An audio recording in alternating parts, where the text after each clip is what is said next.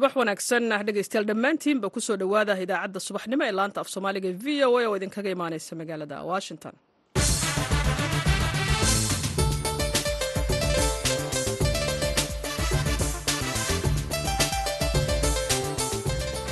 Waa subax sabti ah bisha februari waa siddeed iyo toban sanadka laba kun saddex iyo labaatan. Waxaad naga dhegaysanaysaan mawjadaha gaagaaban ee lix iyo tobanka iyo sagaal iyo tobanka mitrban iyo bogga v o a somaly com. Saacadda afrikada bari waa lixda iyo barka aroornimo idaacadda saaka iyo caalamka waxaa idinla socodsiinaya anigoo ah caasho ibraahim aadan.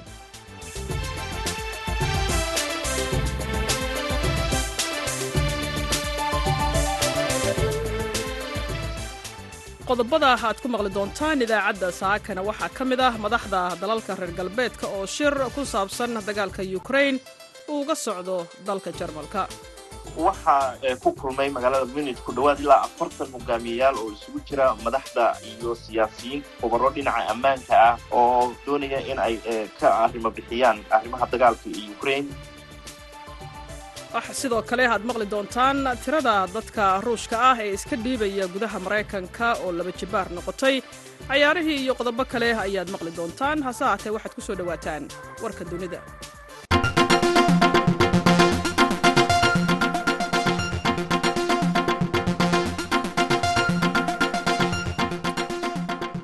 boqolaal kun oo qof ayaa raadinaya hoy kadib dhulgariirkii lixdii bisha februari ka dhacay koonfurta dalka turkiga kaasoo sababay in guryihii ay degganaayeen ay noqdaan kuwo aan lagu noolaan karin. Dad badan oo badbaaday ayaa awoodi waayey inay helaan teendho amaba konteynar ay dowladda iyo hay'adaha gargaarku u soo direen gobolka. Taa beddelkeeda waxa ay magangeliyo u raadsadeen dhismo kasta oo ka ilaalin kara xaaladaha qabowga ah ee hadda lagu jiro oo ay ku jiraan guryaha dhirta lagu koriyo gawaarida teereennada ah iyo sidoo kale warshadaha. Ma jirto meel nabdoon marka laga reebo guryaha dhirta lagu koriyo sababtoo ah guryuhu waa ay dumeen dhulgariirka dartiisa ayuu yidhi osgan saktig oo konton jira dhulgariirka kadib ma jiraan guryo halkan teendhooyin ah ma haysano ayuu yidhi koox dabley ah oo ku hubaysan hubka darandooriga u dhaca iyo bambaanooyin ayaa waxay weerar ku qaadeen xarunta booliska ee magaalada karaaji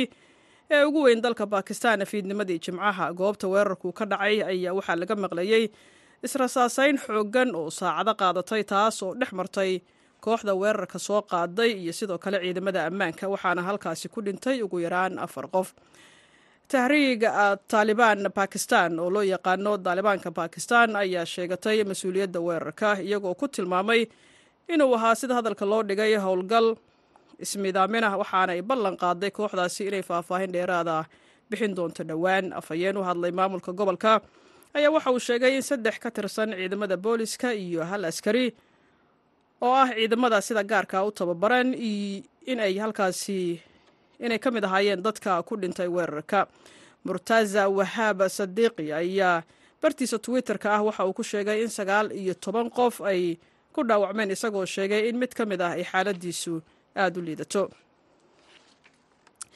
wafdi maraykan ah oo ay ku jiraan ilaa iyo konton xildhibaan ayaa waxay ka qaybgalayaan furitaanka kulanka caalamiga ah ee loogu magacdaray kulanka shirka amniga ee munikh kaas oo socon doona muddo saddex maalmood ah. Mas'uuliyiinta maraykanka ayaa doonaya inay halkaasi ka muujiyaan taageerada ay u hayaan dalka ukrain afar wafdi oo ka kala socda xisbiyada dimuqraadiga iyo jamhuuriga oo ay ku jiraan xildhibaanada sanadka iyo aqalka hoose ee wakiilada ayaa waxay ku biireen boqolaal siyaasiyiin ah iyo sidoo kale saraakiil militari iyo diblomaasiyiin ka kala yimid daafaha caalamka kuwaas oo ka doodaya arrimaha ammaanka ee caalamka. Mas'uuliyiinta maraykanka ayaa waxa ay sheegeen in wafdiga maraykanka ka socda uu yahay kan ugu ballaaran ee ka qaybgalaya shirkaasi tan iyo ee ka qaybgalay shirkaasi tan iyo markii la bilaabay sannadkii kun iyo sagaal boqol saddex iyo lixdankii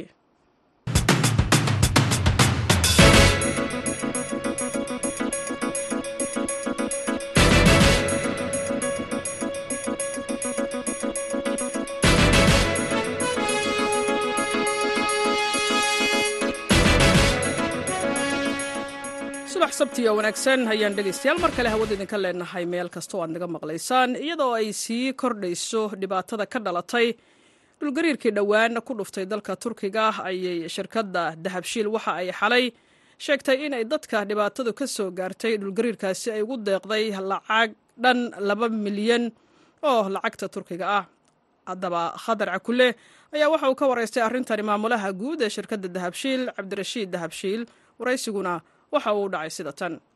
Waxaan doonaya ku weydiya ugu horreyn dad badan baa isweydiin karaa maxaa ku kalifay shirkadda dahabshiil inay dadweynaha ama dhibta ka dhacday dalka turkiga dadweynaha ku dhibaatoobay inay lacagtan ugu deeqdo? Waxaanu aad iyo aad uga xunnahay aan uga tacsideynaa dadka badan ee ku dhintay dalka turkey iyo weliba dalka syriya ee dhulgariirku ku dhacay ee daarahoodii burburay ee dhimasho badan ee ka dhacday.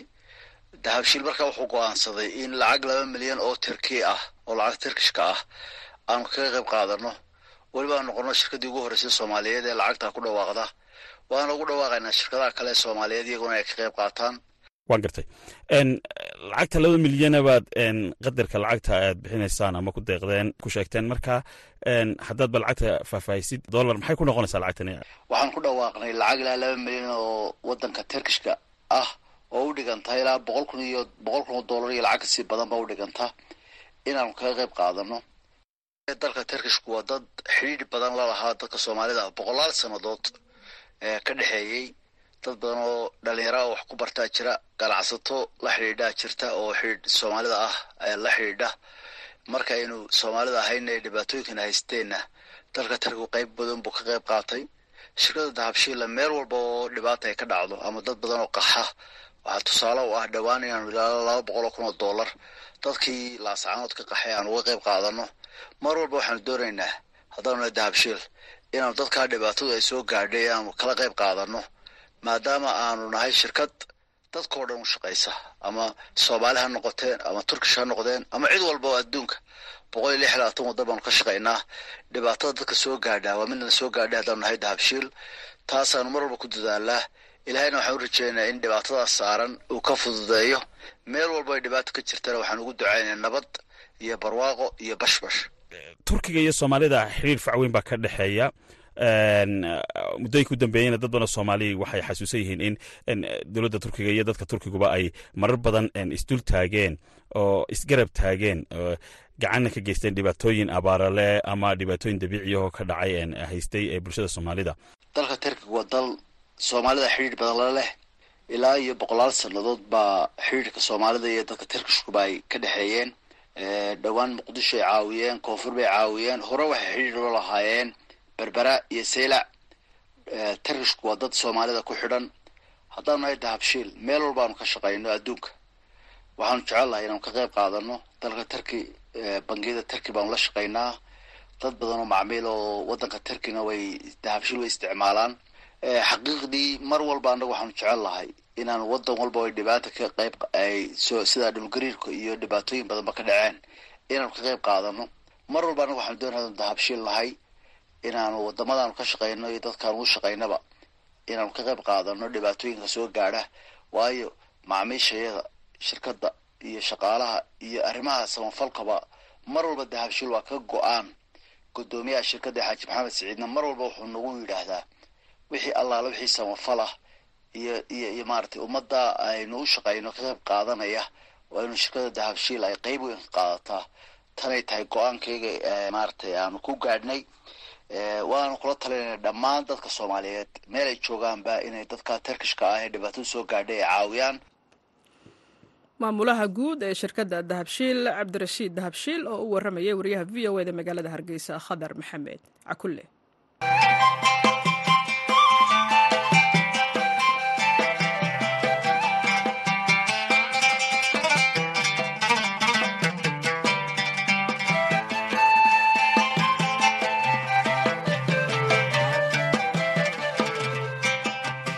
wanaagsan. Dhegeystayaal mar kale meel kasta o ad naga maqlaysaan.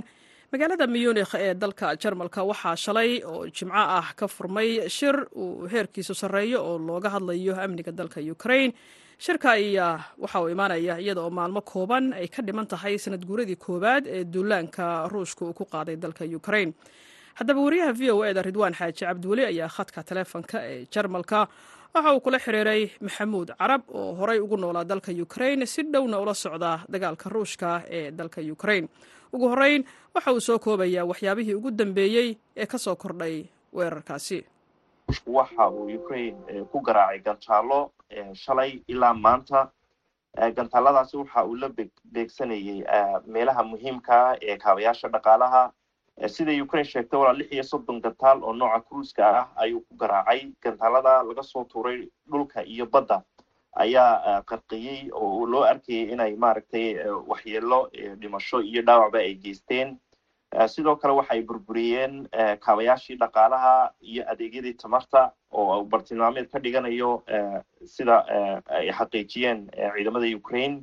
Meelaha muhiimka ee adeegyada korontada ayaa sidoo kale iyaguna waxyeella soo gaadhay dhanka kale isbedele ayaa ku yimid taatikadii ama habweerarkii ruushka ee uu doonayay inuu ukraine ku weeraro.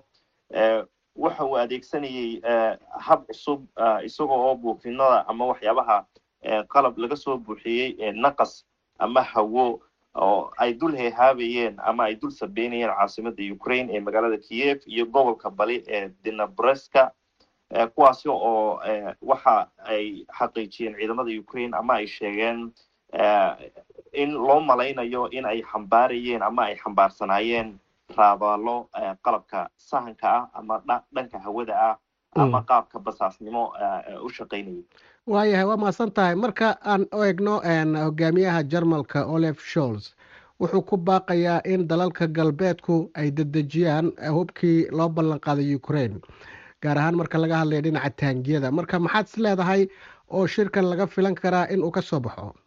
Horta walaal shirkan waxa ku kulmay magaalada munich ku dhawaad ilaa afartan hogaamiyeyaal oo isugu jira madaxda iyo siyaasiyiin khubaro dhinaca ammaanka ah oo doonaya in ay ka arrimo bixiyaan arrimaha dagaalka iyo ukraine.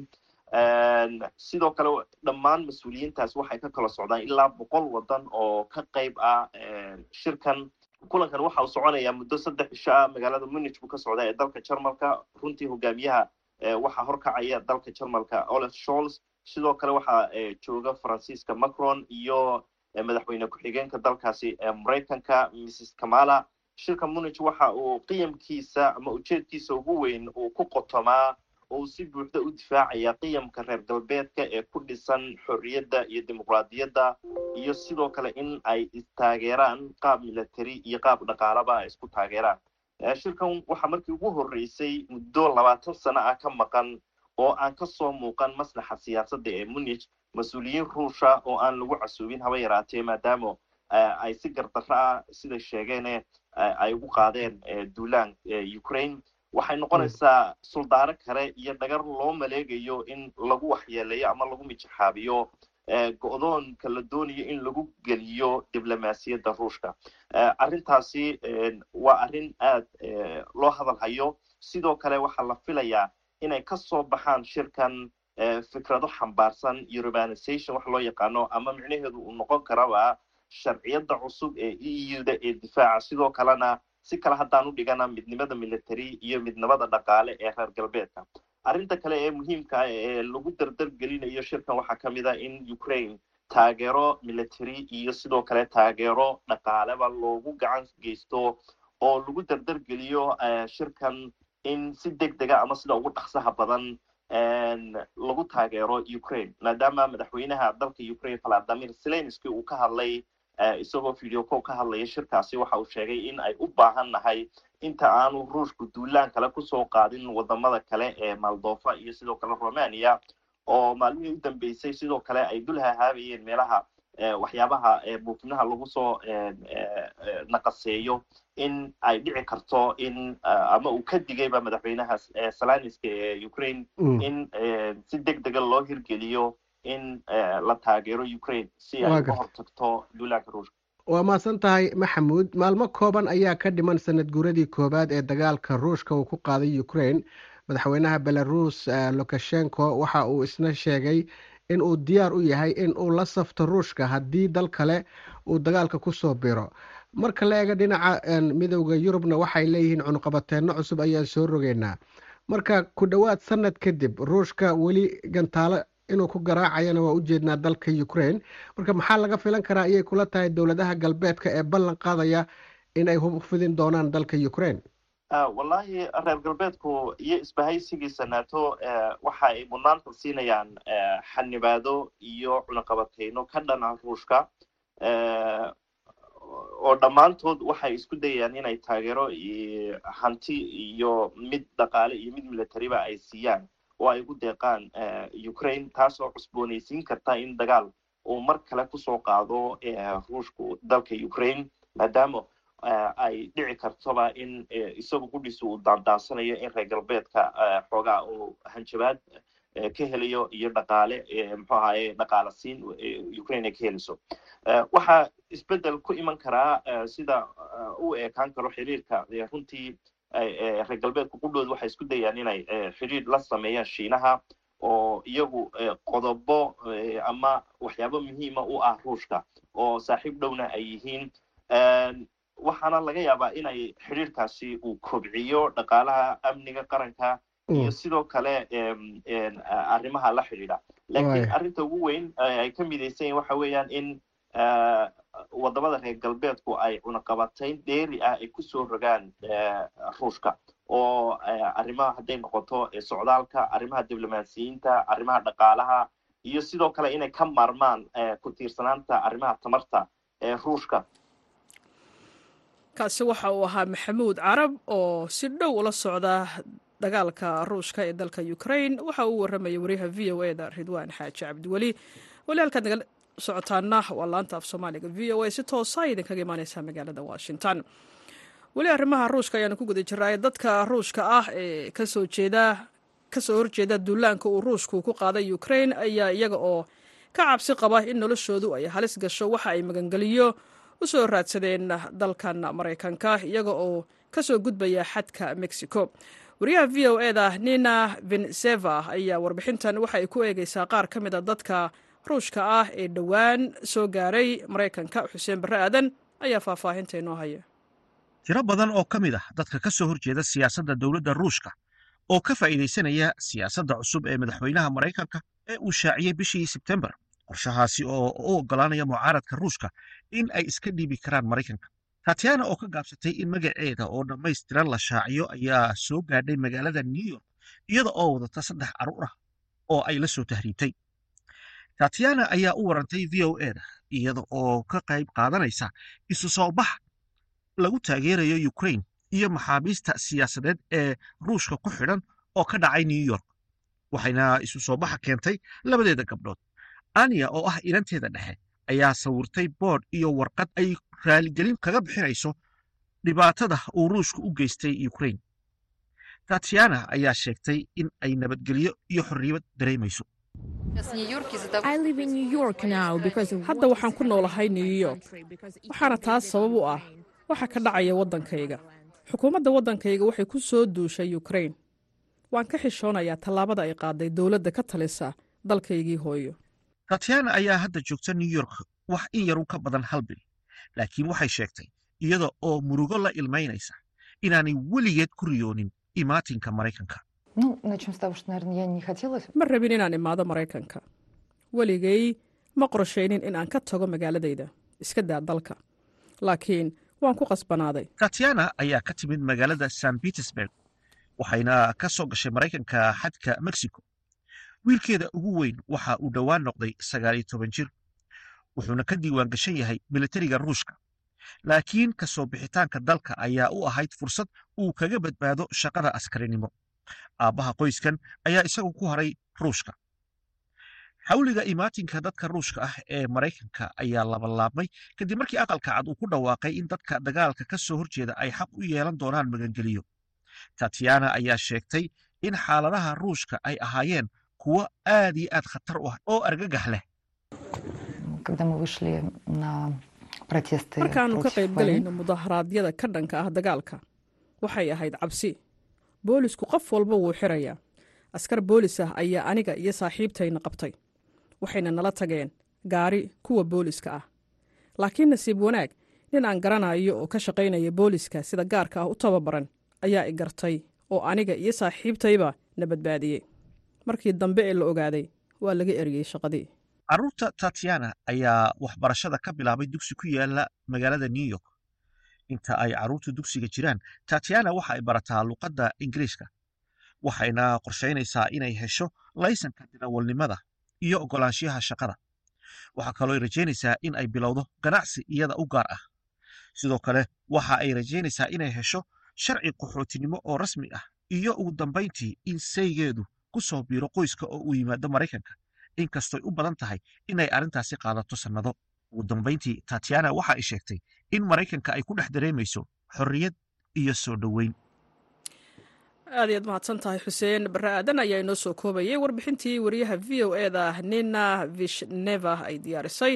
Halkaad kala socoteenna waa laanta af soomaaliga v o a. Haatanna wararkii dhinaca ciyaaraha waxaa inoo haya cabdulqaadir maxamed mursal samakaab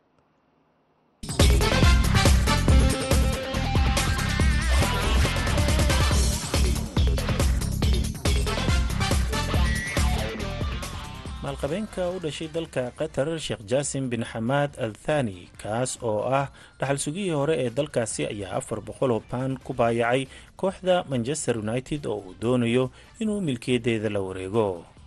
Kooxdan oo ka mid a kuwa ugu caansan caalamka islamarkaana ah tan ugu guulaha badan gudaha dalka ingiriiska ayaa waxaa milkiyadeeda iska leh qoyska maraykanka u dhashay ee reer galeser kuwaasoo la wareegay sannadkii laba kun iyo shantii laakiin ku dhowaad labaatan sano kadib ayay doonayaan inay dib isaga iibiyaan.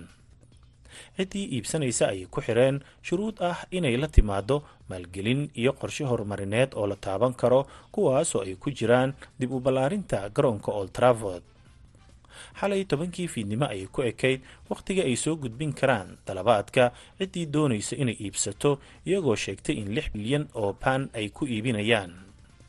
Maalqabeenka reer qatar sheekh jaasim bin xamaad al tani oo ah guddoomiyaha bangiga islaamka ee qatar ayaa ilaa iyo hadda ah ninka gudbiyey dalabka ugu weyn lacag ahaan isagoo sheegay inuu lacag kaasha ku iibsanayo islamarkaana uu qorshe iyo maalgelin u hayo haddaba kooxda manchester united in sheekh jaasim uu iibsado maxay uga dhigan tahay maxaase isbeddel ah oo ku imaan kara haddii milkiyadda kooxda ay wareejiyaan? Qoyska reer galeser ayaa weydiiyey nuur bukhaari oo arrimahan si weyn ula socday. Samakaab waa mahadsan tahay sida aad hordhaca ku sheegtaba hadda gorgorintii ayay mareysaa iyo baayacidii weli ma gadanin sheekh jaasim bin xamed altani manchester united. Marka xalay bayaan ay soo saareen. Muasasad uu madax ka yahay oo maalgelis sportiga bayaan ay soo saartay oo ay ku cadaysay in ay doonayaan inay manchester united gataan. Waxay ku sheegeen in lacagta ay ku gadan doonaan ay tahay lacag haba yaraatee aanan wax dayn ah ku jirin.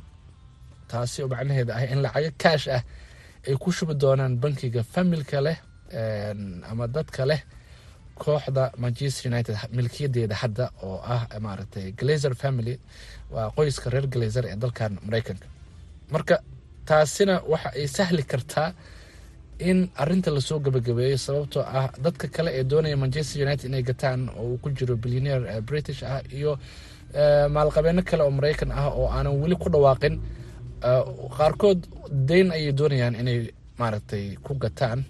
Marka taasi waxaa la dhihi karaa ninkan u dhasha dalka qatar waa uu kaga duwan yahay sababtoo ah boorso lacag ayuu wataa ama boorsooyin lacag ah. Waxaa laga hadlayaa shan bilyan oo maaragta ama in ka badan shan bilyan oo doolarka mareykanka marka haddii aan u soo laabtay jawaabta su'aashaadii maxay uga dhigan tahay? Haddii u gato waxay uga dhignaan doontaa in manchester united ay aada uga dhex muuqan doonto suuqa kala iibsiga ciyaartooyda inay keeni doonto ciyaartooy taya leh haddaba ciyaartooy tayala ayaa u ciyaara dabcan oo safka hore ayay hadda kaga jirtaa dhinaca kala horeynta inkastoo arsenal iyo manchester city ay ka horeeyaan laakiin kaalinta saddexaad ayay ku jirtaa. Marka inta hadda ay haystaan oo lagu daray afar ama shan laacib oo tayo maaragtay wanaagsan leh waxa ay manchester united gaarsiin kartaa in ay horyaalka qaadaan sanadka soo socda ama ay kaalinta labaad ku dhammaystaan waxaa kale oo ay uga dhignaan doontaa in ay kooxda heli karto koox kale. Markaan saas leeyahay hadda manchester united tababaraha leyliya waxa uu heli karaa koob iyo toban ciyaartooy uu ku kalsoon yahay oo lagu daray saddex ama afar kale oo wanaagsan oo bedel maaragtay uu ku keeni karo oo u dhigantay inta ciyaaraysa safka hore. Marka kooxaha waaweyn guulaha gaarana waxaa lagu yaqaanaa in ay kaydka ku hayaan koob iyo toban kale oo isbeddel ka sameyn karta garoonka dhexdiisa oo u dhiganta koob iyo tobanka qeybta hore la soo geliyo. Marka manchester united waxaa haddii ay nimankan gataan lacagta leh u suurageli karta in ay ciyaartooy badan keenaan oo ay kooxda ka dhigaan ugu yaraan soddon laacib oo kala daran oo maaragtay laba koox noqon karta. Mustaqbalkoodana runtii haddii qadariyiinta ay gataan oo maaragtay dad lacag haysta ah mustaqbalka kooxda aada ayuu u ifi doonaa. Waxaana ay ku soo laaban karaan magacii iyo martabadii lagu yaqiinay manchester united oo beri ahayd kooxda ugu wanaagsan dhinaca kubadda cagta ee yurub iyo dunida.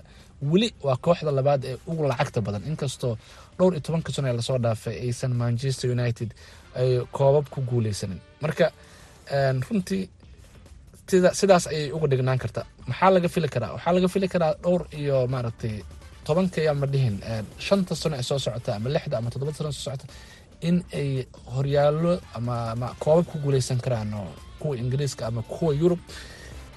Mahadsanid nuur maalqabeennada carabta ayaa sannadihii la soo dhaafay xiise gaara u qabay maalgashiga kooxaha kubadda cagta ee qaaradda yurub. Kooxda manchester city ee ka dhisan dalka ingiriiska ayaa waxaa maalgashtay taajiriin u dhashay dalka imaaraadka carabta. Tan iyo intii ay la wareegeen kooxda city ayaa ka mid noqotay kooxaha ugu tunka weyn qaaradda yurub iyo gudaha ingiriiska. Sidoo kale kooxda baariis ee dalka faransiiska ayaa iyagana waxaa maalgashtay maalqabeenno u dhashay dalka qatar.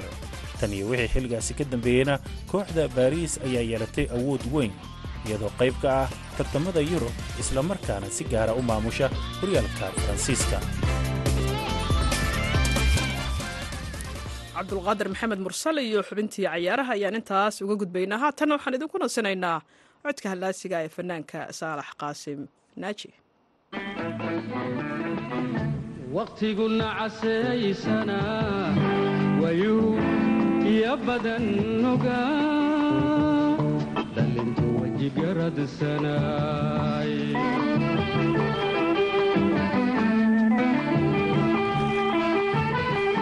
waqtiguna caseeysana wayuhu iyo badan noga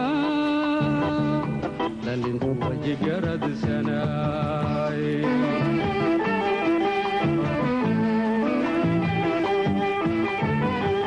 weelkaagu haddaanu buuxin waxsaarku ku qaban oga weedhaadu itaalyara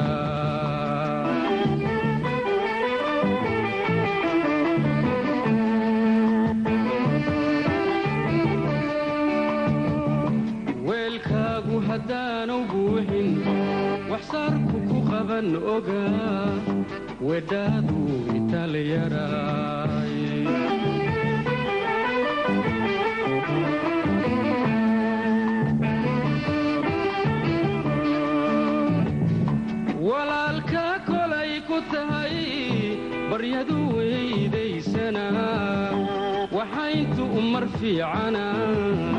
waxayntu mar fiicana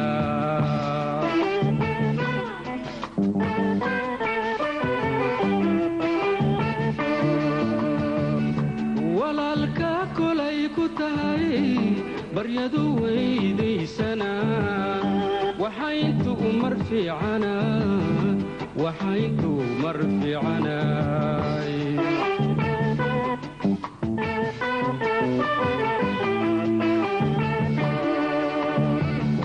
wanaaggan dumaru geystay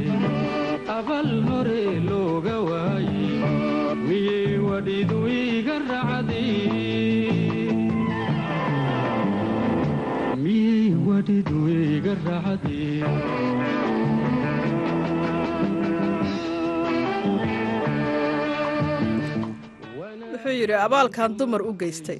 Gabadha uu abaalka u geystan uu ku koobay fanaanka ku ficnayd saalax qaasim naajo codkiisa ayuu ahaa waxaanay gebagabo u ahayd baahinteennii saaka iyo caalamka ee laanta af soomaaliga v o a waxaa idinla socodsiinaya anigoo ah caashi ibraahim aadan. Dhinaca farsamada waxa uu ahaa ismaaciil xuseen farjar. Intaan mar kale kulmayno nabadgelyo jacaylku rag wirsigiisa